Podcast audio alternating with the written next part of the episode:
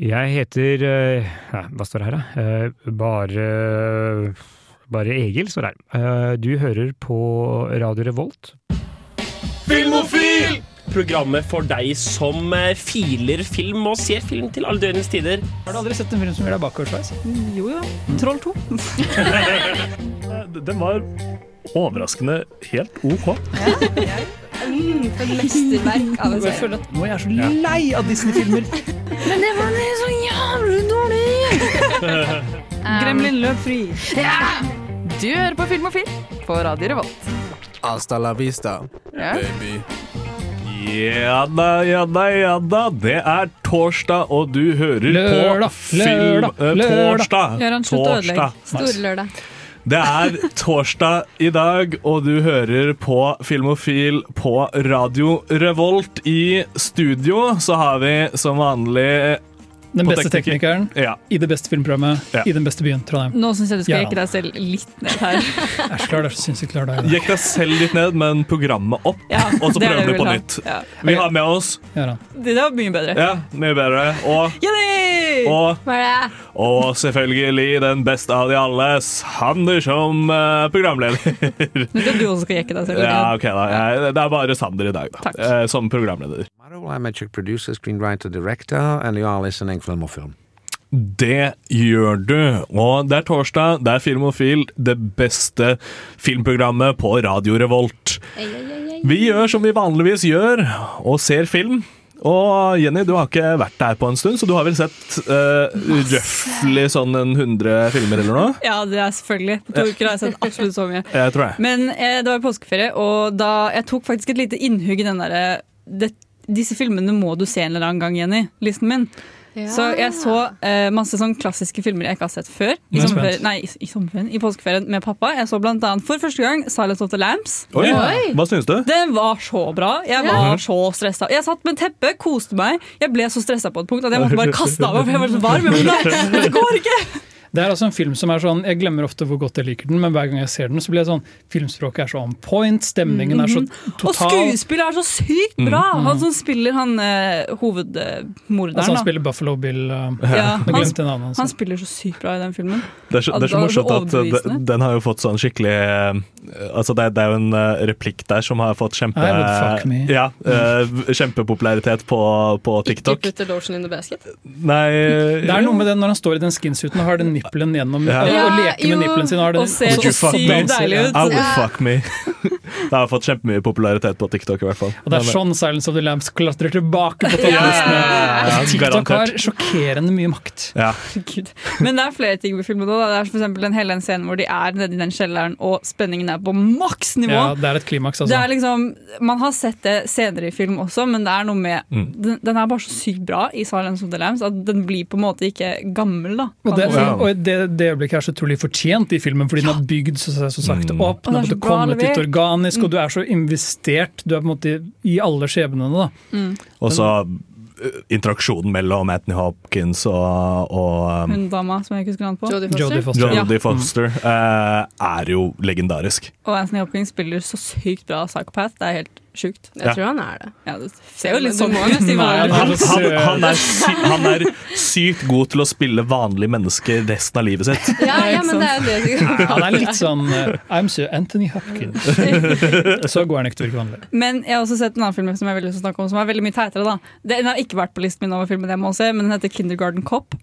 Som er Eh, jeg det- så den Arnold Schwarzenegger? Ja, jeg Ja. så den med August, og vi koste oss så mye. For det er Arnold, det er Arnold Schwarzenegger som må gå undercover i en barnehage, og det er liksom bare han som står i Altså starten og skriker på 22 kidsa. Jump Street bare oh, ja, han går som uh, onkel. ikke Ja. Ikke som barn. Det er en film jeg ville sett! Arnold Schwarzenegger prøver å være barnehagebarn. Men det er liksom, han får ikke kontroll på det. I need to be changed. Det er ikke en film jeg ville sett. Jeg, jeg, hadde betalt for det. Give me the car, I want to play with the car! Det hadde vært dritgøy. Nei, det hadde ikke. Det var kjempeteit. Altfor teit. Men hva syns du om filmen? Den var overraskende veldig veldig morsom og genuint bare gøy. Mm. Fordi den er Det er skikkelig teit eh, konsept, fordi Arnold Schwarzenegger han liker jo ikke barn. Ikke? Han skal være sånn tøffe macho-politimann som skal liksom Mm. Jeg skal bare gå inn der alene og banke opp fyren, og så klare det! Og så må han liksom bli kjent med disse barna, og så oppretter han sånn militærregime i barnehagen med disse kidsa. Men det er skikkelig søtt å se på! Det er bare Men teit. hva, hva er det han eh, Altså, er det liksom drug trafficking? Human trafficking? Hva er det han Nei, de skal, finne, de skal finne en fyr, og den eneste ledetråden de har, er at de vet at kona i hermetegn, kona hans, ja. hun har en kid som går i en barnehage på det stedet. Så han skal prøve liksom å finne ut hvem hun er ved å bli kjent med barna. For å finne han andre fyren. Det er en komplisert greie. Det er overraskende komplisert til å være en sånn film. Ja. Det er en Men- rar sjanger, den uh, actionfilm satt til barnehage slash skole. Typ Ja. sånn Vin Diesel i The Pacifier. Ja. Uh, det var en del sånne rare på 90-tallet. Um, The Substitute, som også handler om en, fyr som var undercover på en ungdomsskole. Mm. Det var enda en med Belushi-brødrene som var undercover på en ungdomsskole. Men det funker så bra. Det er det som er så rart. Det, Det er bare. Kindergarten Cop som funker. Det, nei, det er en annen film også som jeg ikke husker navnet på, men hvor det er en sånn, eh, som skal være barnevakt, som også er veldig gøy. The Pacifier, Er Operasjon mm. Barnevakt med Vin Diesel. Oh, ja. Nei, nei, det er ikke den. Nei, okay. Det er en annen jeg tenker på. Jeg ikke hva Er den det heter. det med Jackie Chan? Ja, det er det. ja, Mm. Hva heter den igjen? Det er det jeg ikke husker. Jackie Chan er barnevakt. Kindergarten Cop funker veldig bra. Jeg vil anbefale å se den. Det er et øyeblikk som er bare helt herlig. Hvor Spy Next Arnold Ja. Ja, det er det. heter. Jeg kan ta den. Hvor et øyeblikk hvor Arnold Schwarzenegger skriker 'shut up' på den beste mulige måten, og øynene hans ser ut som de holder på å falle ut Ja. av hodet hans. Det er et eh, godt Kjempegøy. eh, gif-meme, det. Nei, Jeg har også sett uh, film siden sist, fordi jeg driver og lader opp til å sluke WandaVision. Så jeg har sett Infinity War opp igjen. Ja. Og den har tapt seg lite grann, altså. Det er det. Eh, jeg, jeg likte den veldig godt når den kom ut. Eh, jeg har ikke sett den siden da.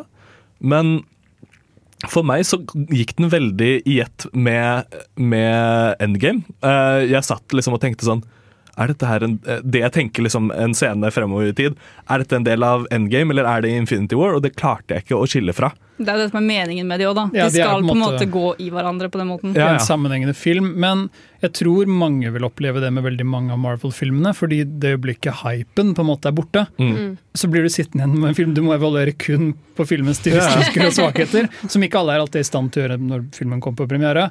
Og da får du et Mm. annet forhold til den, fordi plot-twistene er allerede åpenbare for deg, Ja, ja. og, og du har på en måte Også de, de minionsene hans, altså de, de, de henchman-folka, ser jævlig dårlig ut. altså, Altså, det er ikke Steppenwolf-nivåer, men uh, Nesten. Jeg synes nesten det. Ja. det. Det er så clash med resten av universet. Mm. Altså Ta liksom Ta uh, Thor Ragnarok, alle de forskjellige aliensene der. Ja. Og så ser du på de fire Tre. Han svære med øksa, Ja. han eh, Squidward og Og ja, de, ja, de er megagrelle. ja, men, De- men, men det er ikke bare at de er stygge, men de ser ut som det er en annen artstyle. Det, det, det, det, det er veldig, jeg tror de ligner ganske mye på tegneseriemotpartene sine. Okay, som kanskje ja. klasjer eh, Nå husker jeg ikke helt, men de er, på, de er veldig forglemmelige. da Når du sier det, så er det sånn Hvem var henchmannen til. Thanos? ja, ja, ja. Jeg husker han som var sånn trollmannfyr. Ja. Eh, det er Men han, også, han ser jo bare ut som Voldemort, liksom. Men, men En veldig First Price-versjon av Voldemort. Ja, ja, ja. ja We nei, have Voldemort at home. Her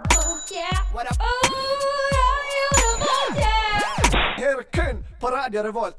God stil! Det er så god stil! Vi er filmofil, vi. Og vi driver og snakker om filmene og seriene vi har sett siden sist.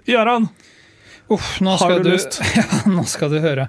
Um, det går jo hardt for seg på filmfronten. Åh. Uh, det kanskje det viktigste er at jeg var på Cinemateket forrige Oh. uke og så Nomadland. Du gjorde det! Uh, jeg fikk endelig sett den. Det har vært vanskelig å se den for meg, rett og slett, fordi Cinemateket har uh, kjøpt, de latt meg kjøpe billetter, og så får jeg beskjed om at det ikke er plass til meg pga. korona. Mm. Men de har heldigvis ordnet flere visninger. Ja. Så Ja, de har satt opp visninger helt til mai nå, liksom. Og det var veldig chill. Da fikk jeg endelig sett den.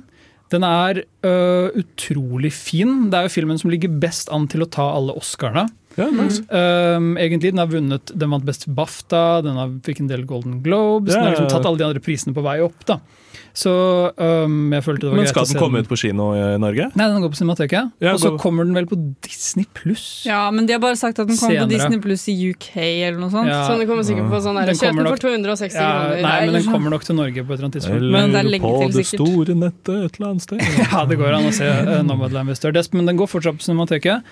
Jeg vil anbefale å se den. Jeg, um, det er den typen film som du går ut av kinosalen og har en veldig sånn uh, dyp følelsesmessig uh, kobling til, men som du kanskje ikke sitter så godt med etterpå. Mm. Kort oppsummert så er dette Det er helt grenseland til dokumentar. Den er veldig sånn Mm. spennende formatmessig, fordi den handler om uh, folk som lever en såkalt nomadelivsstil i Amerika. Mm. Og Frances McDormand spiller hovedrollen. En kvinne som ikke lenger hun på en måte jobber Hun har liksom ikke en ordentlig jobb og bor veldig trangt og blir sånn sesongarbeider for Amazon. Og mens hun jobber på Amazon over liksom, nyttår som sånn vintervikar, Mm. så får hun tips om at uh, du kan jo bli nomade og bare leve i en bil. Mm. Og så etter litt ymse så prøver, bestemmer hun seg for å prøve det, da. Og filmen lar oss møte folk som faktisk lever den livsstilen på ekte, og snakke mm. med de, og Jeg skjønte ikke det før rulletekstene kom. Og på en måte, Linda May, spilt av Linda May. skjønner du? Ah. Bob Wells, spilt av Bob Wells. Ikke sant? Uh, og det viste seg, jeg begynte å lese om det ettertid, at mange av disse skuespillerne trodde de var en dokumentar og ikke en Ja. film. Uh, så, så de var sånn Er du en skuespiller, Frances McDormand? De ble liksom litt sjokkert. Uh, så de trodde jo Du får veldig veldig ekte følelser i den filmen, og du møter veldig mange mennesker som føles ekte fordi de er Ja, ja. ekte. Eh, den ser helt nydelig ut, og den handler om så mye, både måte amerikansk klasse og hvordan situasjonen er i Amerika akkurat nå, men også om en slags sånn hva det vil si å ha et hjem, være rotløs og gå Mm. videre fra det å miste noen. Så den, den treffer og føles veldig sår, men øh, jeg vet ikke, jeg. Det, jeg skjønner at den ligger an til å ta Oscarene, men jeg har ikke sett de andre kandidatene ennå. Har, har du sett uh, American Honey? Nei, jeg har heller ikke sett American Honey. Eh, For den er jo også litt sånn det samme Shyla Shia Buff og jeg husker ikke helt hva hun andre heter, men som jobber, jobber som uh, dør-til-dør-selgere, men da Mm. hvor de flytter seg rundt omkring da, og, og så videre. Ja. Uh, og, og stjeler og, og så videre, men det er jo en veldig mye mer spillefilm, da. Ja, men Dette er også en spillefilm på veldig mange måter, men den har en slags sånn, en sånn et forhold til tid som er veldig sånn flytende og deilig, og det føles som at det er konstant bevegelse i filmen, Mm. som absolutt uh, treffer. da. Og jeg koser meg veldig mye med den. Anbefaler folk å se den. Den kommer til å treffe deg på en eller annen måte. Den er ikke for lang. Både ja og nei, fordi den har mange stille øyeblikk, men når den på en måte får en emosjonell payoff, så treffer det deg veldig veldig godt. Det var Mhm. øh, flere ganger jeg hørte både grining og gisping i salen, Mm. som alltid er koselig. Marte, hva har du sett siden sist? Uh, jeg har sett uh, 2015-filmen The Stanford Experiment, Ah, eh, som er basert på The Stanford Experiment. Zimbardo, jeg husker ikke Steven Zimbardo eller noe sånt, sitt eksperiment Mm. eh, på 70-tallet. Hvor han da samler 24 mannlige studenter og skal gjøre et eksperiment på mellommenneskelighet. Sånn Mm. sosialpsykologisk eksperiment. Eh, hvor da halvparten av gutta får bli vakter, og halvparten av gutta blir fanger. Og jeg har lest litt opp på det i ettertid, for jeg har hatt mye om det eksperimentet på skolen. og sånn, Hvor tro denne filmen er til faktiske hendelser. Og Zimbardo har selv sagt at uh, ja, men de kunne ikke ta med det mest traumatiske. Mm. Og det forstyrrer meg så jævlig, fordi den filmen fucker så Ja, jævlig med hodet til disse guttene at jeg blir, jeg blir så sint. Og det skulle egentlig vare i to uker, dette eksperimentet. De måtte skjøtte det ned etter seks dager. Fordi det begynte begynte å gå på trussel ja. på liv og død. Men, fordi de ble delt inn i vakter og fanger, Ja, og skulle disse behandles vaktene- deretter, liksom? Ja. Så de lagde jo et I kjelleren på Stanford så lagde de et sånt simulert fengsel. Mm. Og så får disse vaktene bare helt frie tøyler.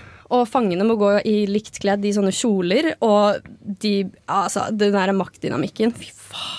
Det er helt sjukt. Det er et ganske berømt eksperiment. Ja. Det som er gøy, er at det er sånn typ 10-20 filmadaptasjoner som handler om det. Det er nesten egen sjanger. Sånn Stanford Prison Experiment-filmer. Ja, Jeg har ikke sett noen av de, men den er kanskje ja. Mm. Og filmen, filmen også er kjempebra lagd, syns jeg. Den, Ja. den er liksom tro til, eh, tro til historien. Det er jo eh, som eh, makt, all eh, absolutt makt, eh, eh, korrupterer. Litt som Cigarette Packet eh, korrupterer eh, Sorry, som dere skal høre nå. Filmofil presenterer nyheter fra filmens og fjernsynets vidstrakte verden. Gå nyhetstanker! Bam, bam. Det er meg i dag, deres nyhetsanker Jenny Marie Fristad. Her får gi dere de nyeste, ferskeste filmnyhetene i verden i dag. Og det første jeg vil si var en nyhet jeg fant ut tidligere denne uka. Og så det første jeg gjorde var å sende til Mina, fordi egentlig er dette Mina sin største nyhet. Oh. For det kommer en ny Spirit-film! Ja, oh my jeg har sett det. Jeg har sett uh, trailer for det. Eh, det skal bli den andre installasjonen i Altså en spillefilm-spirit-film? Ja, ja. Det skal bli den andre installasjonen i Spirit-univers... Eller Spirit Uh, Hva heter det?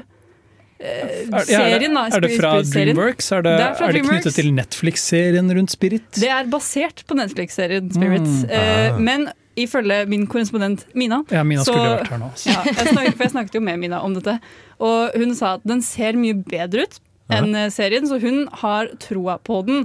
Ja. Og det tror jeg sier mer enn det jeg kan si, fordi Ja. Mina sin troverdighet til Spirit, det er mye bedre enn det jeg noen gang kan si, i hvert fall. Ja. Men det skal være en oppfølger da, til den klassiske Spirit-filmen fra 2002.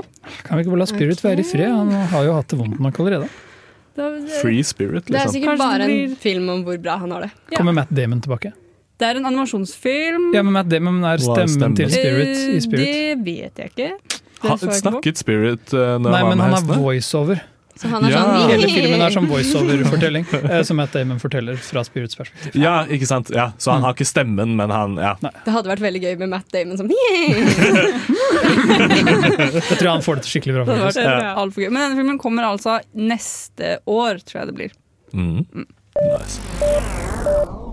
In other news så har det også kommet en eh, trailer til en film jeg gleder meg veldig til å se. Det er en oppfølger til The Hitman's Nei, jo, The Hitman's Bodyguard. Oh. Nemlig The Hitman's Wife's, Wife's Bodyguard. Som er på en måte I eneren så tar det for seg Ryan Reynolds og Samuel L. Jackson. Samuel L. Jackson er hitmanen, Ryan Reynolds er Er bodyguarden. Og eh, så skal han på en måte beskytte Samuel L. Jackson, men det er noen komplikasjoner, så det blir bare masse, det blir bare masse action. Den filmen er bare masse action og veldig god kjemi mellom Ryan Reynolds og Samuel L. Jackson, som er veldig, veldig gøy. Og så møter de da kona til Samuel L. Jackson, og i toeren, listen to this, Ryan Reynolds skal ta seg en sabbatical og har ferie, men så blir han dratt inn i dette av kona til Samuel L. Jackson. Ja. Og så må, de, må han allikevel eh, kjempe, da, og så har han PTSD fra den tidligere filmen. Så han prøver å cope med alt mens han kjemper for Samuel Jackson og kona hans. PTC er jo morsomt. Når det er Ryan Reynolds, så er det litt gøy. Nei. Altså, En skuespilleren jeg liker minst. nei, han er jo koselig, da. Han er morsom. Ja, han er morsom. han er han morsom. klarer å få til en god humorfilm, liksom. Ja, det, det tror jeg absolutt at han kan. Jeg gleder meg i hvert fall. Ja, ja. Jeg, jeg tror også jeg skal sjekke ut den eh, originale filmen eh, Gjør en det. dag. Hei, jeg er eh, Agnes Kittelsen, Og jeg er Aksel Henning, og det er viktig at dere hører på Filmofil. filmofil. Og her i Filmofil så har vi flere nyheter på lager. Eller Mhm. jeg har flere nyheter til dere. Skal ikke Jeg skal ta på meg den æren. Men eh, som vi alle vet, så har det vært snakk om at det kommer en ny Indiana Jones-film. Med Harrison Ford. Ja, dette har vært snakk om Med så, Harrison ja, Ford? så sinnssykt lenge. Allerede etter Kingdom of the Crystal Skull uh, var Mm. ferdig i Så var alle sånn Oh my god, 2008. velkommen til Indiana Men eh, da håper jeg virkelig at de gjør litt sånn Han Solo i, i Star Wars og dreper han av, sånn at eh, Harrison Ford kan endelig få lov til men å du, slappe av litt. du kan liksom ikke drepe Indiana Jones fordi det er ikke den stemningen Indiana Jones har. Han skal liksom alltid kunne ri inn i solnedgangen på slutten av filmen. Ja. Men, Men kanskje han får en veldig cinematisk død, da. Hvor det liksom er veldig sånn wow. men og så problemet med, Indiana, så- ja. problemet med Indiana Jones 5 har vært Harrison Ford hele tiden. Fordi han har vært sånn 'jeg vil ikke', og så har de sagt sånn 'hva hvis du får så mye penger'? Og så har han sagt 'ok, da'. Jeg vil ikke allikevel. Og så har de sagt sånn, Hva hvis du får lov å fly når vi ikke filmer i tillegg? Altså, ah, greit da. Og så krasjer han flyet sitt, og så er det sånn Vi får vente litt, da. Og så er han sånn Nå vil jeg ikke allikevel. Altså, Ja. Det har bare vært helt klin umulig å holde det konsekvent. Men hva skjer med Indiana Jones 5? Nyheten er at det skal skje, da, og de har fått inn folk. Eh, blant annet så skal Phoebe Waller-Bridge spille med Harrison Ford. Ah. Som den kvinnelige hovedparten. Da, vil jeg. Hun har tydeligvis hatt en ganske stor Phoebe. Waller-Bridge skal ha sex med Indiana Jones. Kanskje det er datteren eller et, jeg vet ikke. Men Ja, hun skal det hadde vært- det hadde- Hun har blitt involvert nei, i prosjektet. Og så er det hun som dreper han. Jeg orker ikke datteren til Indiana Jones. Jeg håper hun skal være skurk. Ja. Ja, men, er jeg, jeg hadde 100 vært OK hvis filmen hadde bare vært at uh, Indiana Jones er han, uh, har blitt han uh, museum, nei, museumsdirektøren som sender ut den yngre Det kan godt og gir fra seg pisken og bare sånn her gå og neste. fikse ut liksom, dette her og dette her. You're the chosen og, one. og, og det kunne liksom ha vært gøy hvis det hadde vært litt sånn at han er litt sånn overbeskyttende og han driver og liksom eh, Og, og liksom sånn Ja, så forsiktig for dette, og driver og liksom har lyst til å være med, men kan ikke fysisk være med. Driver og facetimer underveis. Ja, ja, ja. Hva er problemet nå? Kan jeg få se? Jeg syns det, hadde vært- jeg synes det hadde vært litt gøy. Det er veldig gøy, Men det er enda mer. John Williams skal nemlig komponere. Oi. Mhm, Han har sagt ja til å komponere den siste Indiana Jones. Vet vi hvem som skal regissere? Ja, det vet vi også. Det det er det neste jeg skal si. Det er ikke Spielberg Ja. som skal regissere. Og Bigelow. eh, eh, han George Lucas skal heller ikke være involvert på noen som helst måte. Det er like greit, ass. Spielberg skal være produsent, men det er ikke han. Det er eh, James Mangold skal regissere. Han som lagde Ja. Logan og Ford versus Ferrari. Altså produserte produserte eller regisserte? Regisserte. Ja. Han Så- er decent pick, for så vidt, egentlig, Ja, ja. for en Ja. ja. Action-blockbuster. Ja, så han skal regissere. Uh, Steven Spielberg skal bare være produsent. George Lucas skal ikke være med i det hele tatt. George Og Lucas sitter fortsatt John på Star Wars-pengene skal- sine. Sånn. Han sitter på Oh God, so Skywalker. Ranch. Ja, det er det han gjør. Og så skal John Williams produsere, nei, komponere, da. Så det, det, Ja, Det det, det, kan, det, kan, det kan være noe. det kan bli noe. Ja. Til en veldig liten nyhet. Jeg vet ikke om noen av dere vet hva det er, men jeg vet ikke hva det er, så jeg tenkte jeg skulle teste rommet. Eh, vi starter om Gundam. Ja. Ja, det skal bli en live action-film. Gundam er, uh, for de som ikke vet det, en uh, manga slash anime som handler om uh, kamproboter Ja. som slåss i verdensrommet og på jorda. Så det skal bli live action. Men, men de endrer seg ikke til Nei. biler. Eller jeg vet ikke nok om Gundam. Nei, jeg altså det eneste jeg er vet, er at de, sånn altså sånn rent estetisk så ser de ut som Transformers når de er store. Altså sånn som de gamle Ja. lekene, Ja, liksom. det er de, ja! Ja, De må alltid se memes av. Ja, memes er hvor de også liksom folk Det er en stor greie at du kjøper, og så maler du selv. Ja. Okay. De, har, de er på en måte kanskje best kjent for å ha veldig sånn ikoniske robotdesigns, og det Mhm. blir jo antagelig Tenk litt sånn Pacific Rim-stemning, tipper jeg. Eller Transformers-stemning. Ja, Et sted mellom der. Helt sikkert. Men det som jeg ble litt skuffa over, så er at det er samme fyren bak Kong Skull Island. Nei, nei, nei, han er jo kjempeflink. Men jeg likte ikke Kong Skull Island. det Jeg syns Kong Skull Island er en av de bedre installasjonene i eh, det Monster-franchisen. Ja. Ja, eh, ok, de har- sånn, ja. Ja, ja. Jeg syns Kong Skull Island var en ganske kul film. Men prøv å huske hva han heter, han eh, regissøren. Han har bare gjort sånn én eller to andre filmer. Ja, han er ikke sånn veldig, veldig out there regissør. Men han Men har han- jo da hatt uh, experience med big monster Ja, det fights. har han. Og monsterfighten i Skull Island er veldig Ja, ja. gode. Uh, han er også en fyr som jobber med Han har sånn blodfan-tendenser. Hans s- drømmeprosjekt er å lage en Metal Gear Solid-film, og det har han jobbet med siden han entret Hollywood. gøy! Og det skal kanskje skje Ja, men for så da, vidt. da liksom å se hvordan, er det han, hvordan er det han tar for seg store, massive roboter? For det er jo det liksom Metal Gear er. Så det er det bare sånn Klarer, er- du, klarer du å få liksom the gravitas av store jævla mo monsterroboter, så, så ja. Det er derfor han må gjøre Gundam først. Ja, for å jeg teste, teste Teste våpen, øh, Mm. En eh, liten kort nyhet til er at eh, ikke overraskende nok så skal Top Gun og Mission Impossible eh, utsettes enda mer enn det de allerede har blitt til Ja, å komme på kino. Altså. Fordi kino. Paramount må ha disse cash-pengene, Ja, men de, holdt jeg de på å si. skjønner jo ikke fordi at filmen er, kommer jo til å være dårlig, så den trenger ba, den, den må komme ut på kino, fordi da kommer folk til å se den første uka, og så kommer den til å bli Mm. trukket fra kinoen. Fordi den er så dårlig. Hvis den kommer ut på streaming, så rekker folk å se den før de får vite om altså, Så kan de gi ut uh, reviews videre. Mission Impossible-filmene har, eh, i hvert fall de siste fire filmene, har gjort det konsist bra, veldig ja. godt uh, pengemessig, og vært veldig gode, egentlig, actionfilmer. Og alle kommer til å ville se Ma Ma Maverick Ja, men har ikke uansett. Maverick vært ute i Norge allerede? Nei, jeg, føler den den, har ikke det. jeg føler jeg har sett trailere for den på kino. Liksom, Ja, Den skulle jo kommet nå, i mai, på en måte. ja. Den skulle kommet Ja, ja. 4. 4th of July. Den skulle kommet rundt da. Men jeg var helt eh, sikker på den var ute. nå har den blitt utsatt til desember, og Mission Impossible kommer ikke før neste år. Og så har Yay. eh, alle de andre filmene nå blitt utsatt enda mer. Dette er digg for Tom Cruise fordi han er kjemperedd for å føle seg gammel. Så nå kan han bli enda eldre, og så når han går og ser sin nyeste film, så ser han skikkelig sånn Ja, den filmen er to år siden! Det så er han men han som kan pusher at de skal utsettes. Ja, men han, ja, men han kan da ikke bli eh, eh, gammel? Er ikke det liksom en del av scientology-greia? Eh, de Altså, andre er jo- betaler for at han blir ung. Har du sett John Travolta? Han er jo intravenøs Botox, da. Ja, han, eh, det er jo han som er liksom den derre youngblood-drikkeren i Hollywood. Ja. Yes, eh, Vi får inn eh, nå på øret her en ekspressnyhet. ekspress-nyhet. Mina har dødd! Er det derfor hun ikke er her i dag? Vi, vi, skal snakke mer, si vi skal snakke mer om dette her etter Fast Shadow av Wu-Tang Clan. Hei, dette er Nikolai Kleve Broch.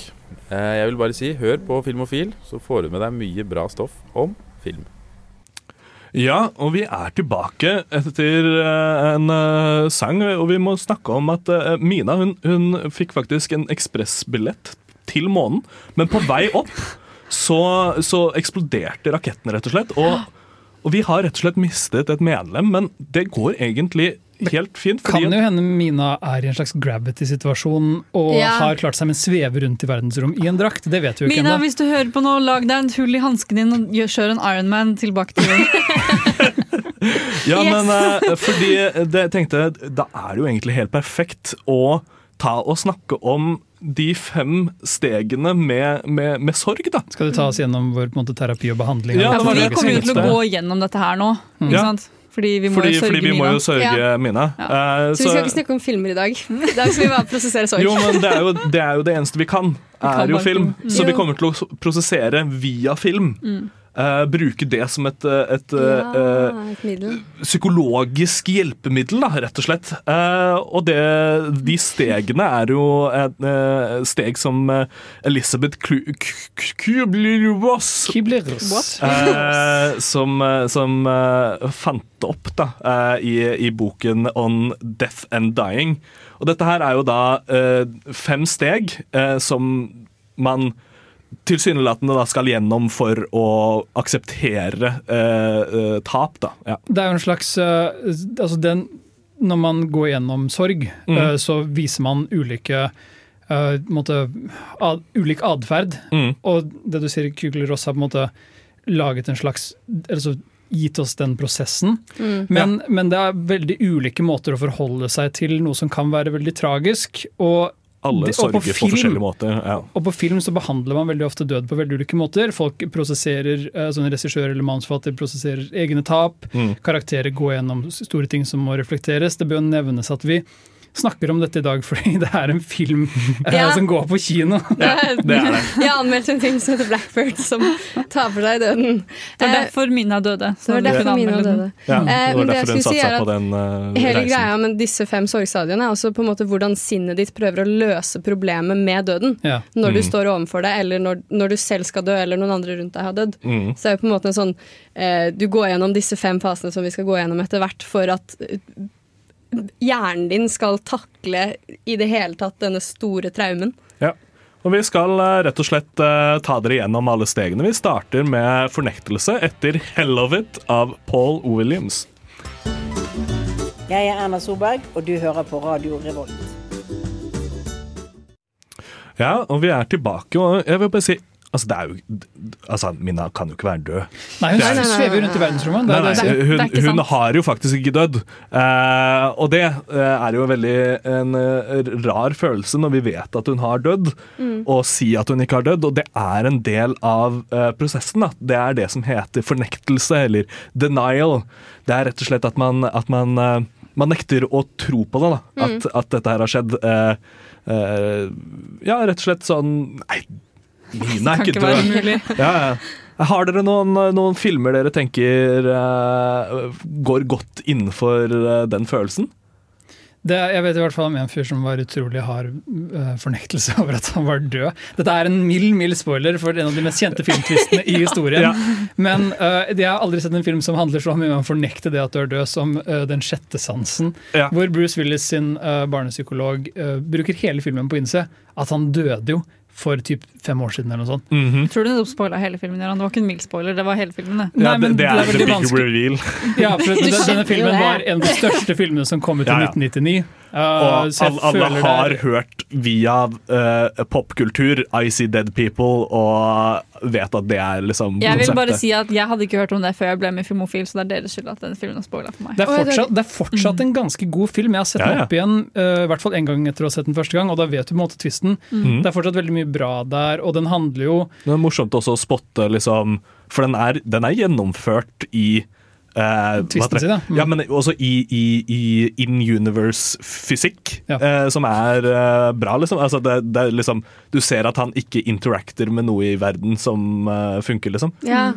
Han, jeg har åpner, han, åpner, han åpner aldri dører, eh, osv., osv. Mm, da snakker med veldig få andre karakterer, Ja, ja. hovedsakelig bare Haley Joel Osment. Men det er en film som handler om vårt forhold til død, så det er en Mm. eh, ganske relevant øhm, film, egentlig, å, å ta opp her.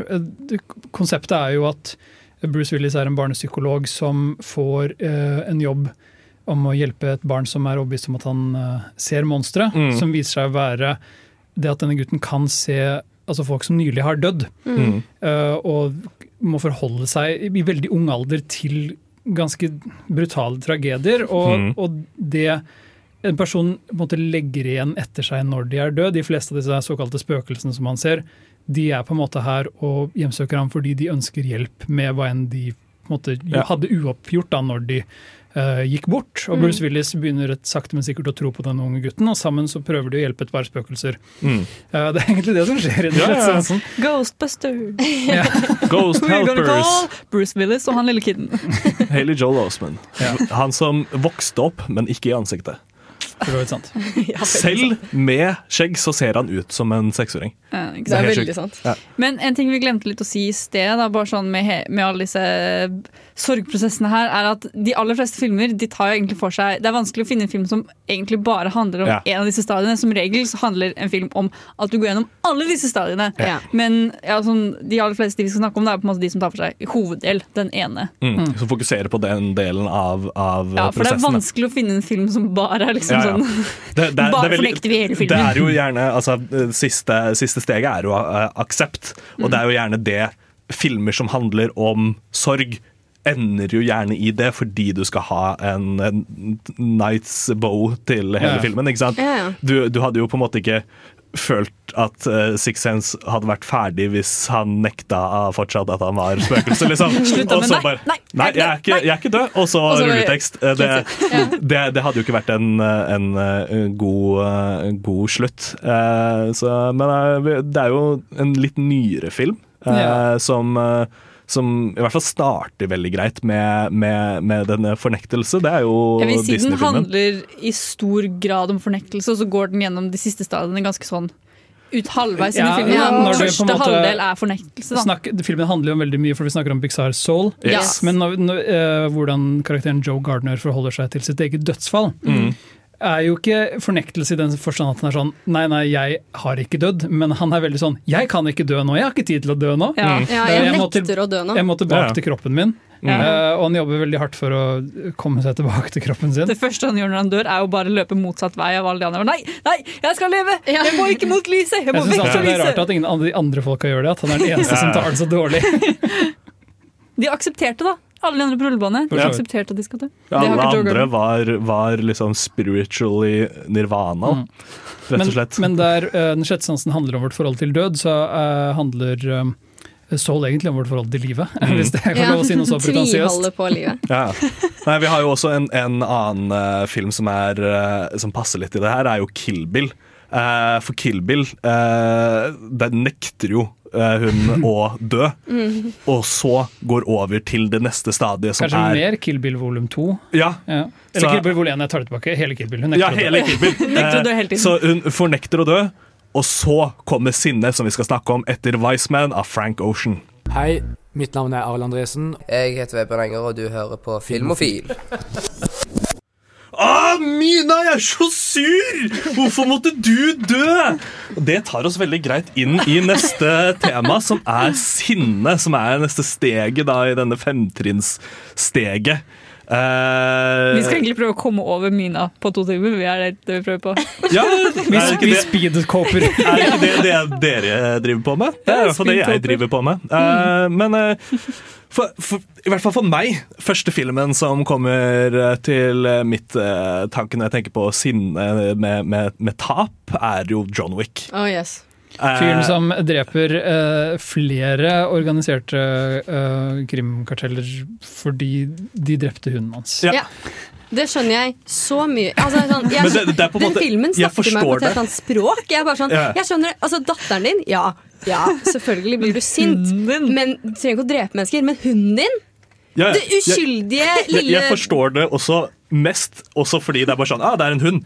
La oss bare drepe han som gjorde det, men eh, det er ikke bare en hund, det er hunden som ble etterlatt av hans døde kone som en sånn trøstegave, som også liksom gjør det ekstra. Så da skjønner jeg at han går og dreper hele organisasjonen. Fordi John Wick spiller på en actiontrope som er på en måte hevnen. Mm. Uh, en vanlig ting brukt i veldig mange actionfilmer. Men det er noe med at nettopp John Wick handler, særlig den første, handler i så stor grad om sorg. Mm. Uh, fordi som du sier, det er en konstant sånn overhengende Kona hans er død, og det var på en måte ikke Hun var syk, men Mm. han har på en måte allikevel aldri kommet seg over det. Og hunden var på en måte det siste han hadde som knyttet han til kona på en Mm. fysisk måte.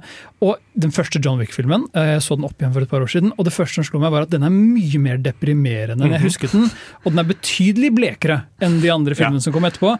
Eh, John Wick har et sånn nihilistisk forhold til menneskeliv og menneskeverd Mm. og på en måte andre og, og verden generelt, som egentlig gjør at filmen er litt vanskelig å nyte til tider, fordi den er så utrolig blek. Altså, Men den er sånn treeren- deprimerende. Treeren er overraskende morsom i uttrykket sitt i actionsekvensene. Mm. Liksom. I starten, uh, John Wick 3 i starten, Ja, ja. hvor han bare kaster kniver på folk. Det er kjempegøy. Det er kjempegøy. Jo, det er den første filmen som spesifikt handler veldig tydelig om sorg. Ja, ja, men sånn, det blir, de blir jo bedre, de andre filmene også, da. Ja, måte. de er mye lettere. Ja. Og, og det, gjør, det gjør på en måte filmene litt mer smakfulle, fordi du ikke føler den konstante litt sånn Den blir nesten litt sånn 'å nei, så utrolig trist alt er'.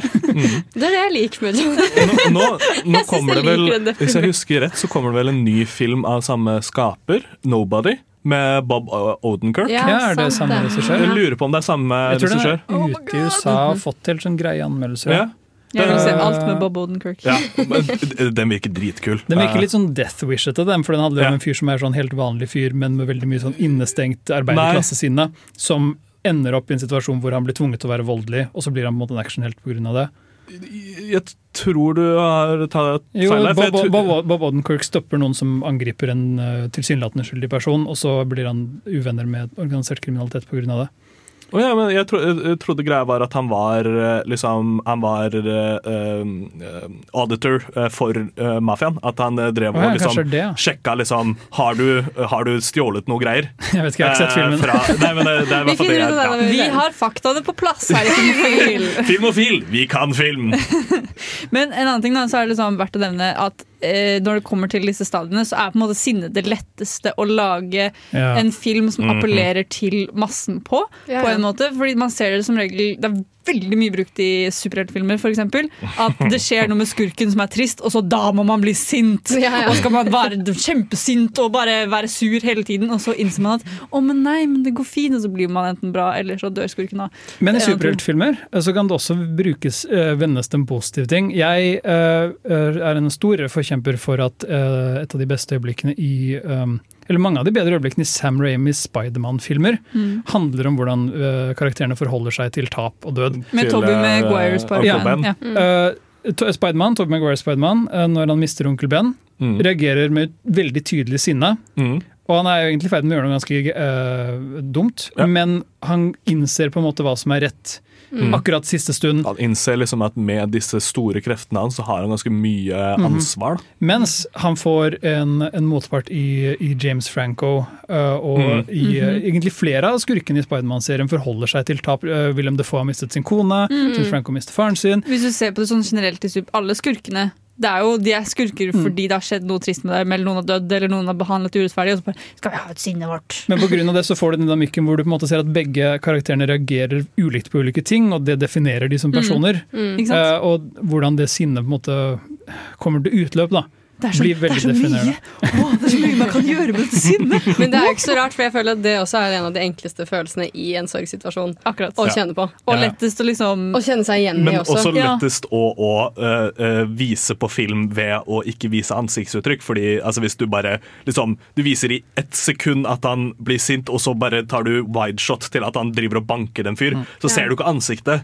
Han, tre, øh, han trenger ikke å emote sinne annet enn fysisk å slå noen. ikke sant? Og, og sinne er jo en eh, Eller aggresjon er jo en veldig naturlig ting å bygge action rundt. ja, Og Eh, alle liker jo en god slåssescene. Ja. Oh, yes. Ikke mamma, Mamma syns alltid det blir litt sånn mye. Og, Ja. Men vi Så- her i studio, vi elsker å slåss! Ja, fy faen. Og vi elsker å slåss generelt. Vi er pastere hvis dere ser oss på gata. Og så er det noe med at øh, vold som hevn for et tap øh, gjør det veldig lett å forsvare volden. på en måte. Hevn er en følelse Mm. alle forstår. Mm. Det er sånn, ja, men du, har, du fortjener å bli slått i trynet. Mm. Det er fint! Altså, ingen, ingen liksom lurer på hvorfor Bruce Wayne ble Batman. Det er liksom Altså, foreldrene hans er døde. Ja, det er en fyr som aldri har kommet seg over sinnestadiet. Det er en fyr som har brukt 30 år, han er fortsatt i sinnestadiet. Stemmen hans er fortsatt sint, liksom. Ja, ja. Det er sånn samme når du ser deg selv i speilet og så sier folk sånn Ikke ha den grimasen, for da blir du sånn. Sånn er stemmen hans. Han er sint i barndommen. Ja, nei, vi, eh, vi skal eh, snakke mer om, eh, om disse stadiene etter at dere har fått hørt What's Up Danger med Black Caviar og Black Way. Og etter det skal dere få lov til å høre I Would Die For You av Prince. Ah, faen, ass. Mina er død. Og, men dere, vet dere hvor jeg finner en, en crossroad? Og så må jeg bare få meg et bilde. Litt uh, uh, graveyard dirt og et bein fra en sort katt. Det er en utrolig spesifikk middagsoppskrift. ja, det er rett og slett hvordan man summoner en crossroad demon fra Supernatural. Fordi når uh, det neste steget i sorgprosessen vår er forhandling, så tenker jeg med en gang Supernatural. Oh, yes. Eh, hvor eh, basically eh, bingokortet for en sesong av Supernatural er en av de viktige folka dør, og noen kaller på en sånn demon og gjør en avtale om å få de til å ikke være død lenger. Dette er vel egentlig et skikkelig dårlig eksempel på hvordan du bruker det å Ja. forhandle med døden som, som et virkemiddel, fordi det er en av grunnen til at Supernatural mistet så mye av sin effekt. Den derre Nei, men de kommer tilbake hver gang de dør. Ja, ja. Ja, ja. Det får ingen gravitas. Publikum driter i om karakterene blir borte. Hver gang de bare Jeg føler liksom er Hver eneste gang de døde, så bare måtte de cranke opp den dramatiske Mm. musikken for å få frem Bare få frem noe følelse i deg, fordi Fordi alle du har blitt innstilt på at det kommer til ja, Altså, de, de kommer tilbake, så det, du måtte bare cranke det, det dramatiske, liksom. Det er litt sånn alle Marvel-filmene, egentlig. Alle som dør der nå, de kommer tilbake. Så det er sånn, Ja, ja. Jeg gidder ikke å være trist lenger, for de kommer tilbake. Det går fint. Tror du ikke Tony Stark er borte helt okay, til det er den helt eneste, da. Det er den eneste. Men eh, Loki har dødd sånn fire ganger. Men jeg, jeg har en, det er, det er kanskje en av de filmene jeg tenker på først når vi snakker om det å forhandle, er Ingmar Bergmans uh, 'Det syvende seilet'. Selvfølgelig er det det, Uh, Göran. Jo, men dette er filmen som er berømt for eh, det, altså bildet av uh, Max von Sydows ridder som spiller sjakk med døden. Mm -hmm. uh, det veldig ikoniske bildet av døden, en mann med blekt ansikt, en ljå og en stor mørk kappe. Mm. Uh, og denne filmen handler om en mann som skal dø, og døden er kommet for å hente han, men han føler han har noe uavgjort, da, så han ber om på en måte mer tid. Mm. Og utfordrer døden til et sjakkspill, og døden har visstnok sykt god tid. Så han er sånn ja, jeg kan, vi kan spille sjakk, jeg kan komme inn liksom mellom andre oppdrag, og så kan vi spille litt sjakk. Mm. Og øh, hele filmen handler om det på en måte å akseptere at du skal dø. Mm. øh, på alle måter, Gjennom en lang forhandlingsprosess. hvor det du, Den er utrolig engasjerende, fordi den, den følelsen av å på en måte først sette pris på det du har når du er i ferd med å miste det, den ideen om at du helt Han higer så sykt etter livet først nå når han Ja. innser at han er i ferd med å miste, den er så Mm. Enkel å kjenne seg igjen i. så Veldig Mm. relaterbar. Du blir sjokkerende emosjonelt investert i en fyr som spiller sjakk med døden. Mm. Um, Men og- fordi er det bare det, liksom? Er Nei, nei, det er da, ikke sant? det, det er liksom et, et sjakkspill, og det er hele Nei, sjakk, Sjakkscenene uh, tror jeg har ganske dårlig sjakk og veldig god dialog. Det er Ah. mest, uh, men, så det er liksom et par sjakktrekk, og så skjer det noe. Han prøver liksom å reise, han prøver egentlig å unnslippe. Mm. Uh, andre folk dør i mellomtiden, og da møter han døden når døden henter andre sjeler rundt han. Eh, det er også en film som behandler måte det, det å forholde seg til død på en utrolig god måte. Den er satt til sånn sortedauden-ish, så det, jeg tror Mm. døden egentlig egentlig ganske travel på den tiden. Ja. Ja, men han hadde tid til sjakk. da. Men, men, Hallo, altså Et fyr må slappe av på et eller annet Ja, ja, ja. er, var er den, ferien. er den uh, svensk? Det er en svensk filmproduksjon. Ja. Uh, det er jo Ingmar Bergman. Ja, ja, jeg bare lurte på om eh, det var Altså, lagde han noen internasjonale Ja, Bergman lagde et par filmer i Tyskland, Ja. og én amerikansk film. Jeg er litt usikker. Mm. Han hadde en periode i eksil i Tyskland pga. Uh, skatteproblemer. Jaha. Nei, det, det, er jo, det er jo interessant. Ingvar Bergman er en, eh, en filmskaper jeg har sett litt for lite av Mm. i forhold til å ha gått film... eh, Han var også en fyr som var veldig opptatt av uh, det å dø. Det å like å leve, og det å lure på om Gud fins eller ikke. Mm. Er han har ganske mange filmer som handler om død, men ingen av de på en måte, fanger den ideen om å forhandle så mye som å spille sjakk med døden. Ja. Jeg tenkte på en film som jeg egentlig skulle nevne under fornektelse i stad. Fordi sorg er jo på en måte ikke bare når noen mister livet, det kan jo være et tap som du opplever. Og jeg tenkte på en film som vi så ganske nylig, den eh, Sound of Metal, hvor han mister hørselen Ja. sin, som er på en måte det største i livet Han- hans. han han, jo- Oscar-nominert dette året. Ja, Oscar-nominert. Um, og Trommis, i- eller det? Ja, Ja. han er Ja. trommis. Eh, og i denne filmen så fornekter han jo på en måte for at han har mistet hørselen. Han er bare sånn nei, dette her må komme tilbake. Så han havner jo i en sånn eh, forhandlingsfase med eh, OK, jeg gjør hva som helst. Jeg kan bru bruke alle pengene mine. Jeg selger alt jeg har. For en operasjon som liksom kanskje operasjonen. funker. Ja, ikke Det, sant? det er en interessant ja. måte, tolkning av det, den Mm. forhandlingsprosessen. For jeg så den og så det på en måte mer som et portrett av avhengighet, eller en slags sånn, et forhold Jo. til noe som Men det er jo også en del av, av det, da. Ja, vi er jo avhengig av livet, alle sammen. Ja, ikke sant? Så ja, nei Same, same, but different. Tøft. Eh, Jeg tenkte også veldig på, på um, eh, eh, Harry Potter. Mhm. Og Ja. Dødstalismanene. De som Altså akkurat den dødshalsmannen-biten. Ja. Voldemort for så vidt, det, som nekter å Ja, ja. ja, ja. Men han også Han driver jo og, og forhandler ved at han deler opp sjela si. eh, Ja, det er jo en spesifikk forhandlingsprosess hvor han har sagt hvis jeg gjør denne tingen, Ja. så slipper jeg det. Uh, en annen sånn film som springer veldig til meg, er Martin Scorseses The Passion Nei, The Last Temptation of Christ. Jeg vet ikke om dere har sett den? Nei. Det er uh, en Jesus-film som handler om Jesus siste dager. Ja, uh, fordi hvor Judas tar jo og forhandler bort livet ditt. Du må gjerne tro på det. ja. Det handler veldig lite om Judas, men Har Harvey Keitel spiller Judas i denne filmen. er det er et rart casting choice. Den tykke New York-aksenten.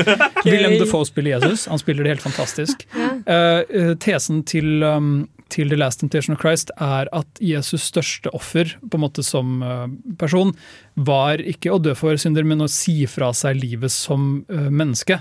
Det å velge å være noe annet enn å leve livet som en mann. Og, Mm. og kunne ha Mm. barn, kunne ha familie, kunne ha nære venner. Og Det å bli profet, liksom. og ha en trygghet. Ja, det å velge å være profet. Den handler på en måte konstant om den prosessen hvor du ser Jesus slites mellom å ikke forstå Guds plan Mm. og eh, egentlig ønske noe annet for seg selv som menneske Mm. eh, enn det han måtte, må gjøre. Da. Og den, han vet jo i en god stund at han skal dø, og prøver veldig hardt å slippe unna. Mm. Og det hele resulterer i en flott sekvens hvor eh, han ser for seg sitt liv som menneske I det han er i ferd med å dø, eh, som er kanskje Altså, jeg er ikke religiøs, men det er en film som bringer meg veldig nært på en måte Mm. den, å forstå hva det vil si å være troende, og det er eh, det er et par da, Men The Last Intention of Christ gjør virkelig det for meg. og Den, den skildrer så godt akkurat den tingen som gjør at du kan forstå en slags helgenkarakter. Mm. Eh, Det er utrolig rørende portrett av Jesus. Jeg kunne tenkt meg liksom, det, hadde vært kult å ha den vinklingen på en sånn Kardashian eller noe, sånn at de liksom gir opp livet som kjendis for et vanlig liv. Når Kim ligger på, på operasjonsbordet før hun skal få megarumpe og ser for seg sitt liv som vanlig flate Ikke sant? Ja, ikke sant? Det hadde vært interessant eh, vinkling, eh, det. Men, det høres utrolig smakløst ut å sammenligne Kardashian-familien med Jesus. De har allerede Kanye, liksom. Ja, nei, uh, vi skal snakke mer om uh, de neste stegene etter at dere har hørt Superfly av Curtis Mayfield. Ja, hallo, ja. Du, Trondheims uh, vakre fjell og Nidelv ja, Det er Tore Renberg her. Dette er studentradioen i Trondheim, og du er jævlig heldig som hører på den. Du er veldig heldig som hører på den, og på oss! Yeah. Men Vi er ikke så heldige, fordi jeg vet ikke med dere, men jeg er kjempetrist jeg, for at Mina har dødd. Er dere det? Jeg føler meg litt Ja, sånn maktesløs. Jeg er til hver Jeg er fortsatt på fornektelse, så jeg Ja, du jeg, jeg, jeg, sliter med, jeg sliter med alle disse andre stadiene, for det går så utrolig fort. Men det er jo faktisk en ting man kan eh, si. Alle, alle eh, sorger eh, forskjellig, og man må ikke gjennom alle. eh, Og man må ikke i den rekkefølgen. Noen eh, hopper rett fra fornektelse til aksept, og noen gjør andre ting. Mm. Men vi går jo bare rett, et, rett og slett etter stegene som det står så fint på Wikipedia. Eh, Vi har altså eh, Kildene våre er on point. Ja, ja. Min er Eh, utforsksinnet.no. Ikke sant? Så her har vi 100 uh, kjeldekritikk. Eh, men nå er det jo depresjon, da. Mm. Og, og det, er jo, det er jo en god del filmer som jeg føler i hvert fall finner Altså som fanger den følelsen av den der, Den håpløsheten etter, Mm. etter et tap, da. Og hjelpeløsheten. Ja. Den, eh, det, dette, er, dette er ofte de filmene som er vondest å se. Ja. Eh, Fordi uh, det å måtte skildre Det å ha det så vondt, Mm. er uh, hvis, hvis det gjøres godt nok, så er det skikkelig slitsomt å se på. Jeg, noen av de filmene som handler om akkurat dette, typ 'Manchester by the Sea', Mm. er jo en film som handler om det å være skikkelig deprimert etter et dødsfall. Så Mm. deprimert at det kanskje aldri går over. Mm. Altså, Jeg husker jeg gikk ut til den filmen og var helt knust. Uh, liksom Psykisk utmattet på en sånn skikkelig trist, grå måte. Uh, og det å på en måte skulle skildre depresjon er jo også litt sårt uh, Mm. for mange. Uh, det er en følelse man kan Det, det kjenne noen, igjen på en litt sånn vanskelig måte. Det er jo noen som, som på en måte har gjort det til sin greie, på en måte. Jeg føler Charlie Kaufman er en som, eh, som på en måte skildrer den ikke akkurat tap, men død og, og depresjon. Han har et veldig nevrotisk forhold til det å være i live, Charlie Kaufman. Hvis du ser filmene hans. Han, øh, han, øh, han kom jo i fjor med I'm Thinking of Ending Things, Mm. øh, som er en film som føles veldig deprimerende, Ja. men som er en utforskelse av det å være så lei deg at du vurderer å ta livet ditt egentlig, men i en veldig meta, på en veldig metaforisk måte. Veldig metaforisk måte. Hvis vi skal snakke om hvordan denne handler om depresjon, så må du nesten spoile den litt. Ja. Eh, For det viser seg at veldig mye av filmen er fiksjon funnet opp av en fyr som er så ensom at til og med fantasikjæresten hans vil slå opp med han. Ja. Eh, Ja, det er veldig sant. Men, men ja, det er, det er det, og det er litt eh, alder og, og så videre inn i Det er akkurat den mye sorg, bare, Ja. egentlig, den tar for Ja. seg. Det er også en annen fyr som har- gjorde depresjon til sin greie. Lars von Trier lagde Ja. depresjonstrilogien. Hans, hans, hans 'Jeg er så deprimert at jeg må lage minst tre og en halv film om dette'. For han lagde Nymphomaniac del én og to. Ja. Og når det gjelder det å skildre depresjon som reaksjon på sorg, så tror jeg Antichrist er, de dem, er den av de filmene som handler mest om det. Mm. Uh, William Defoe og Charlotte Gainsborough har mistet et barn, og drar inn i, til en hytte i skogen for å, å takle dette. Mm. Uh, og når de er der, så faller på en måte hele virkeligheten fra hverandre, bokstavelig talt. uh, og, og de behandler sorgen på to helt ulike måter, og filmen blir utrolig morbid. Ja. Uh, men skildrer på alle måter det å være deprimert på en slags sånn sint måte. Mm. Mm, for det, Vi snakket jo om i sted at det liksom, sinne er det letteste å få fram på film, for det er så, det er så fysisk. Det er så lett å se. Men jeg vil også påstå at depresjon av liksom, noe fælt som har skjedd, er den nest vanligste formen for å lage film om Mm. rundt liksom, sorgprosessen. For det er så, det blir For det første så blir det filmer man investerer seg veldig i, og blir veldig sånn engasjert, eller sånn «Øh, Begynner å gråte av og har det skikkelig fælt. Og Det er veldig Ja. lett å begynne å gråte Ja. bare så lenge man ser troverdige skuespillere komme med det. da Og kanskje med unntak av akkurat Lars von Triers uh, Antichrist, så ønsker du at folk skal bli gra glad igjen. Ja? Du vil jo at det skal gå bra med folk. Ja, man, man, man, man har lyst til å se sin egen følelse av å se filmen reflektert i filmen. Så gjerne Mm. sinne, eh, aggresjonsfilmer, så blir man pumpa opp. Og triste depresjonsfilmer, så blir man triste. Det er som regel sinne og depresjon det hovedsakelig går i hos de fleste. også, da, Er du måte. ofte Ja. trist, Jenny? For eh, Who Hurt You av Ari. Har et program i burra med både klasse og stil. Du hører på Filmofil.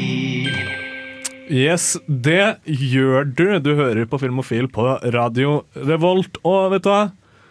Jeg har egentlig kommet meg helt rundt og syns at det er greit at eh, Mina er død. Ja, det er greit, Nei, det tror jeg ikke er helt det vi skal snakke om. Greit, har akseptert. Ja, det, det, var bedre. Det var bedre. Det er helt greit at Mina er død, egentlig. Plager meg ikke ennå. Ja, det var, det var dårlig ordlagt av meg. Jeg Mina, er beklager. Mina, hvis du Ja, hører oss oppe i himmelen. eh, Så Nei, håper i verdensrommet og opplever gravity. Ja, det er himmelen, da. Nei, det er verdensrommet, det er to forskjellige ting. Sånn det ja. Ja. ja. Det vet jo du som går sånn eh, gløs. Uh, Apropos Gravity, den emosjonelle payoffen i Gravity med Sandra Bullock og George Clooney, er jo at, eh, at Sandra Bullock må akseptere at hun en gang mistet et barn. og at hun er klar til å leve igjen. Er det det graviditeten er i, i filmen? Eh, graviditeten, graviditeten til Sandra Bullock er at uh, hun hadde Ja, et barn som døde i en ulykke. Og når hun måtte er der oppe i verdensrommet, så må hun innse at hun vil fortsatt leve. Mm. Og akseptere at barnet er dødt. Ikke sant? Og det hele denne sluttscenen i Gravity som måtte handle Ja. om at hun måtte gjenoppstår, mm Mhm. er jo eh, Eller visuell metafor, metafor for gjennomstandelse, i hvert fall. Mm. Er jo på en måte da hun kommet seg videre etter dette Hun har funnet uh, lysten til å leve, rett og slett. Mm. Så jeg håper også at Mina, hvis du har noe du må gå gjennom mens du flytter deg ut i verdensrommet, potensielt er død, eh, så håper jeg at du klarer å liksom komme deg over det nå, da, så kan du komme tilbake til oss. Da kom deg over det. Ja, same. Bare kom tilbake til å se det. hadde vært fint. Ja. Men det er jo litt eh, Fordi Som vi har nevnt tidligere, egentlig, så er det jo alle disse filmene som tar for seg sorg og sorgprosessen og alt sånt, de ender jo som regel på eh, at de aksepterer det til slutt. Mm. For ellers er det jo ikke sånn som vi snakket om med The Sixth Sense, at det er bare Nei, jeg er ikke død! Det går fint! Ha det bra! Og så er filmen ferdig. Det er liksom ikke der man vil slutte den. Så de aller aller fleste filmene ender jo med en slags form for aksept. Og så er det sånn søst søtt øyeblikk, og så gråter man kanskje, eller er lykkelig. Eller, Og så går de på en ned i solnedgangen. Ja. Det meste med at han bare innser at han er død, og så er han sånn Fuck, dette var litt mye å ta inn. Og så slutter på en måte filmen. Ja, så sorgprosessene skjer egentlig etter filmen er ferdig. Jeg tror det. Eh, Men vi møter Ah. kona til Bruce Willis eh, Ja. i filmen som han måtte hjemsøke uten at hun vet det. Ja. Og, og det å se den filmen opp igjen, bare så det er sagt, når du vet uh, tvisten, og se Mm. ham på en måte ligge inntil kona si og skjønne at hun egentlig ligger alene, det er litt triste bilder. Altså. Mm. Ja, det skjønner jeg. Mm.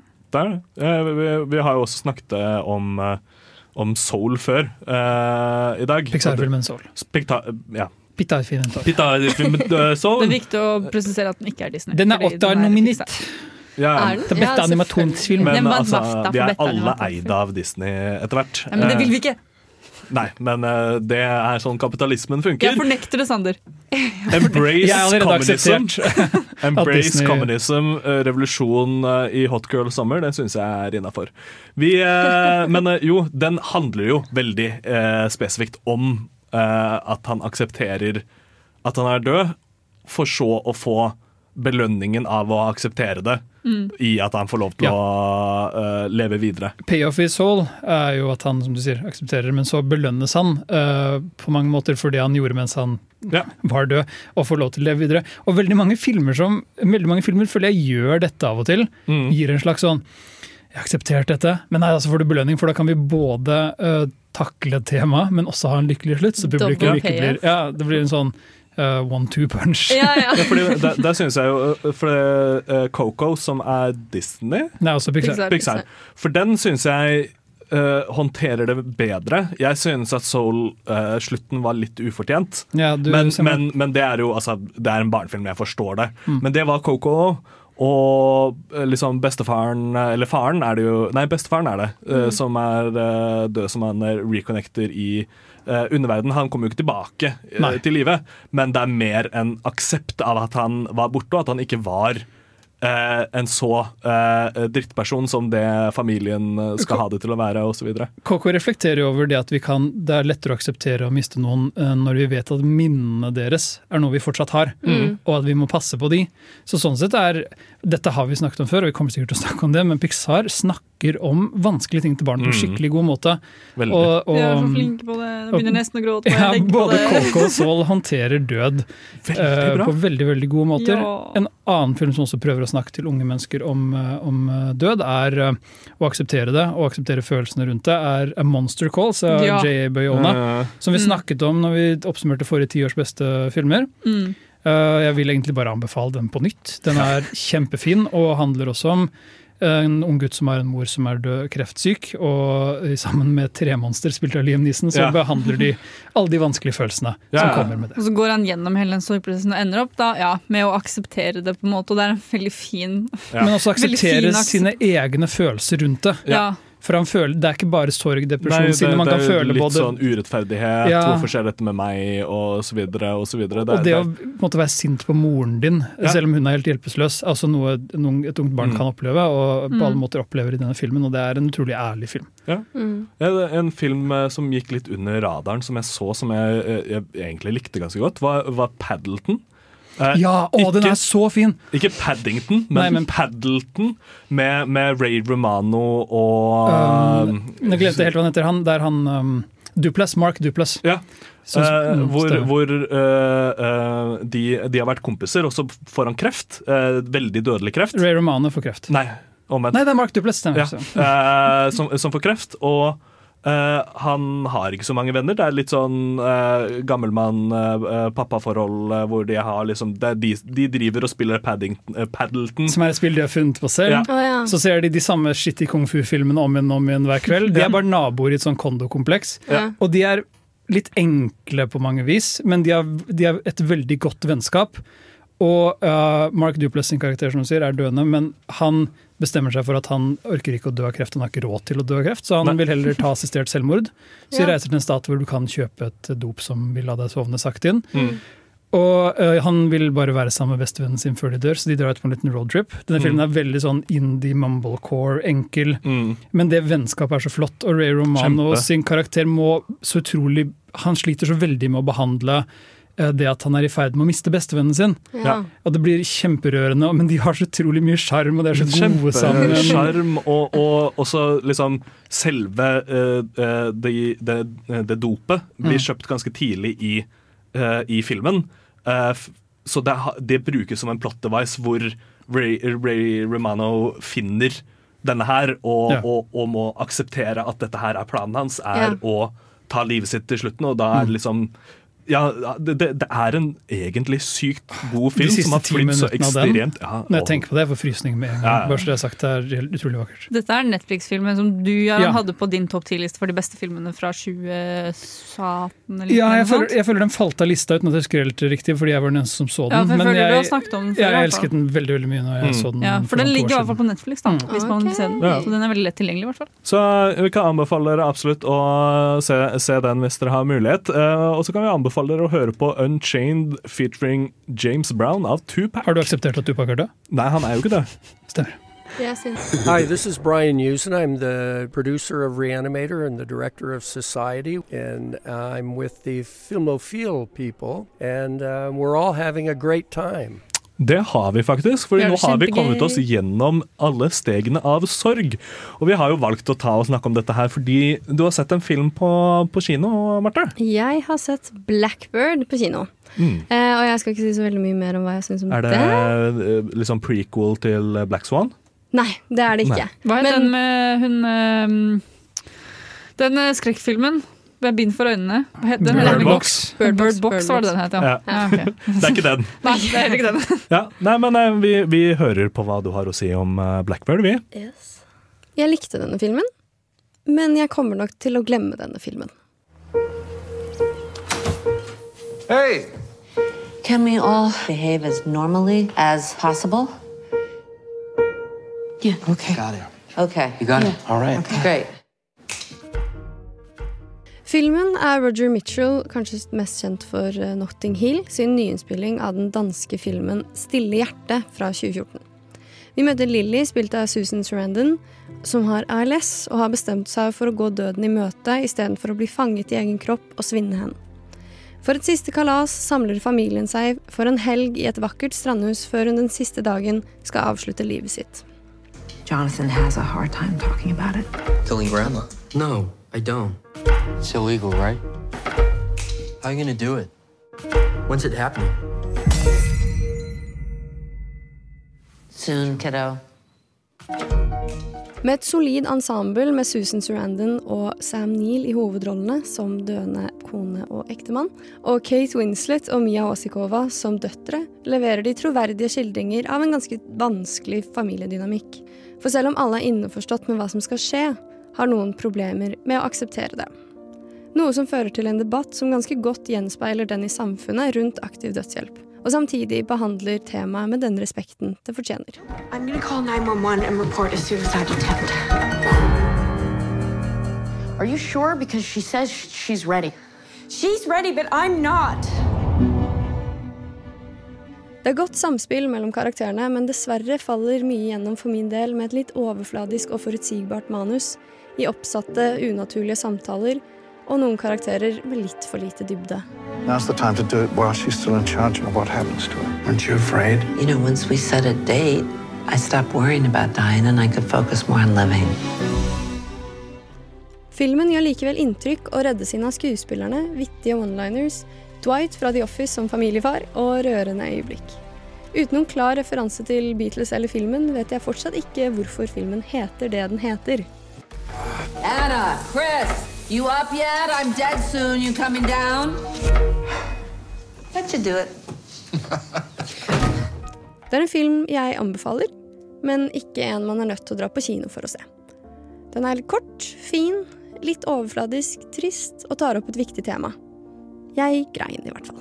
Give me some life advice. The trick is you just show up and you give life your best shot. To wonderful life. Ja, så jeg vet ikke, jeg hørte ikke helt hva du sa på starten. Du likte den? jeg, jeg likte den, Mm. eh, men det er en sånn film som Jeg gikk ut av kinosalen og innså veldig fort at dette er ikke en film som kommer til å sitte med meg veldig lenge. Nei. Den gjorde ikke inntrykk på den måten, på en måte. Det var en fin film, men ja, eh, Verdt en titt hvis du har lyst til å er i humør for noe sånt. på en Ja. måte Ja. Det, er, det er nok en film jeg kommer til å anbefale til mamma og pappa, Ja, eh, som de kan se sammen. Men uh, det er nok ikke en film jeg kommer til å storme til kinoen uh, for å se. Løpe ned. Med på en måte det castet så høres det veldig ut som en film som typ, uh, foreldre eller folk som er sånn 'Jeg vet hvem Susan Sarandon er!' De setter den filmen. Ja, ja. Og, så, og så høres det ut som den handler om noe fint, og, Ja, ja. og Amerika Og hvis den er er godt laget, så er det- skikkelig dårlig på den debatten om aktiv dødshjelp. De Ja, så det er en fin måte å ta det det det er jo også ganske aktuelt i Norge òg. Vi har jo hatt en ganske heavy debatt om det i Norge. Mm, for all del. Ja, og i hvert fall eh, jeg tror jeg absolutt skal, skal anbefale den til uh, mamma og pappa. Mm. er jo Men er det, føles det, det hele på en måte smakfullt, eller blir det for morsomt? Eller Eh, hvordan? Jeg syns det er en veldig smakfull balanse der, Ja. mellom på en måte tulling. For det meste er sånn Susan Randon tuller med selv. Mm. Og da er det på en måte alle de andre karakterene ser litt på Ja. hverandre og er sånn uh, uh, er dette, OK, ja, ha-ha-ha, skal vi le med? Eh, men det største problemet jeg hadde med filmen, som jeg sa i anmeldelsen også, var at det var det, var mye, det ble litt stivt til tider. Sånn når de skulle ha litt sånn hjerte-til-hjerte-samtaler, så var det sånn Det ble veldig oppsatt, og det var flere av karakterene som jeg skulle ønske hadde mye mer dybde, men som bare på en måte var der. Det kan jo hende det skyldes regiarbeidet. Jeg vet ikke. Absolutt, Mm. det kan godt hende. Det bare minte meg litt det, liksom, Plottet så var det nesten det samme som The Farewell, hvis du husker den. Bortsett fra at i The Farewell så, så, um, må vi, så vet ikke hovedpersonen at hun er død Nei, nå. men det er også litt sånn rar familiedynamikk rundt en person som skal dø, da. Som er litt interessant, men den hørtes mye, mye finere ut i den forstand. Ja, for her er det hun som har tatt valget selv, og så Ja. er det på en måte alle de andre må bare akseptere at dette skjer. Ja, Mye mer følelser ute i The Farewell. Er det mer, mer humor rundt det, på Ja. en måte? Ja, det var en, det var en lettere film på en måte å svelge enn den her var litt sånn Jeg gråt, som jeg sa. Altså, sånn, jeg, det var veldig rart å sitte på pressevisning og kylgrine. Men det, det får bare være. Hvor vil du plassere denne i de fem eh, stegene? Oi! Eh, aksept. Aksept, det. Det er, ja, det blir jo på en måte det de kjemper for hele. At alle skal aksepte- akseptere valget hennes. Ja, det blir det som er hovedpoenget, på en måte. Ja, det blir driven i, i alle karakterenes eh, greie. Hun er bare sånn Nei, dette skjer, dere må bare deale med det. Ja, Ja, hun eh, døde rett og slett av uh, ALS, da. Eller nei, eh, hun tok uh, Aktiv aktiv dødshjelp. dødshjelp. Hun uh, tok ikke death by fish av fights. Hi, it's Tony DeKino here, writer and director of The Furies, and you are listening to Film O. Det gjør du, og vi har jo snakket om død og, og eh, Fordervelse. Elisabeth Elizabeth Kuber Ross sin, sin eh, fem steg av, eh, av dette. Og en, en, en egen sånn filmtrope, eller altså en filmsjanger nesten, eh, som jeg synes ofte encapsulater dette her veldig godt på en veldig kort tid, er timeloop-filmer. Mm. Eh, filmer som eh, den nye Palm Springs og den eh, gode gamle klassikeren Groundhog Day. Men også uh, Edge of Tomorrow Ja. eller Happy yeah. Death Day. Uh, Ja.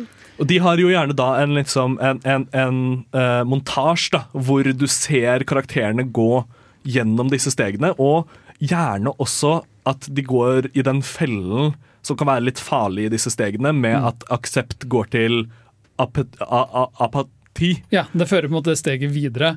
Fordi uh, det er én ting å øh, takle på en måte sorgen over å miste noen i livet ditt, Mm. men timeloop-filmer handler ofte om å måtte akseptere at du er dømt til å leve for alltid. Ja. Så bare Eh, vær så kreativ du kan i dødsfallet. ja, og, og det, altså Palm Springs har øh, noen av de beste øyeblikkene i alle disse filmene, enten det er Happy Death Day to You eller Palm Ja. Springs, er veldig ofte når de tar livet av seg på veldig kreative måter. Ja, ja. Andy Samberg ender veldig mange dager med å dø i Palm Springs.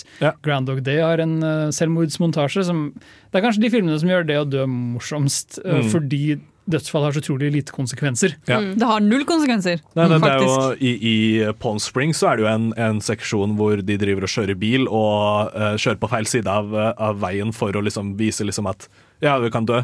Hvor da Andy Samberg legger seg i den mest dødelige posisjonen han kan gjøre, for han har lyst til å dø med en gang. For Ja.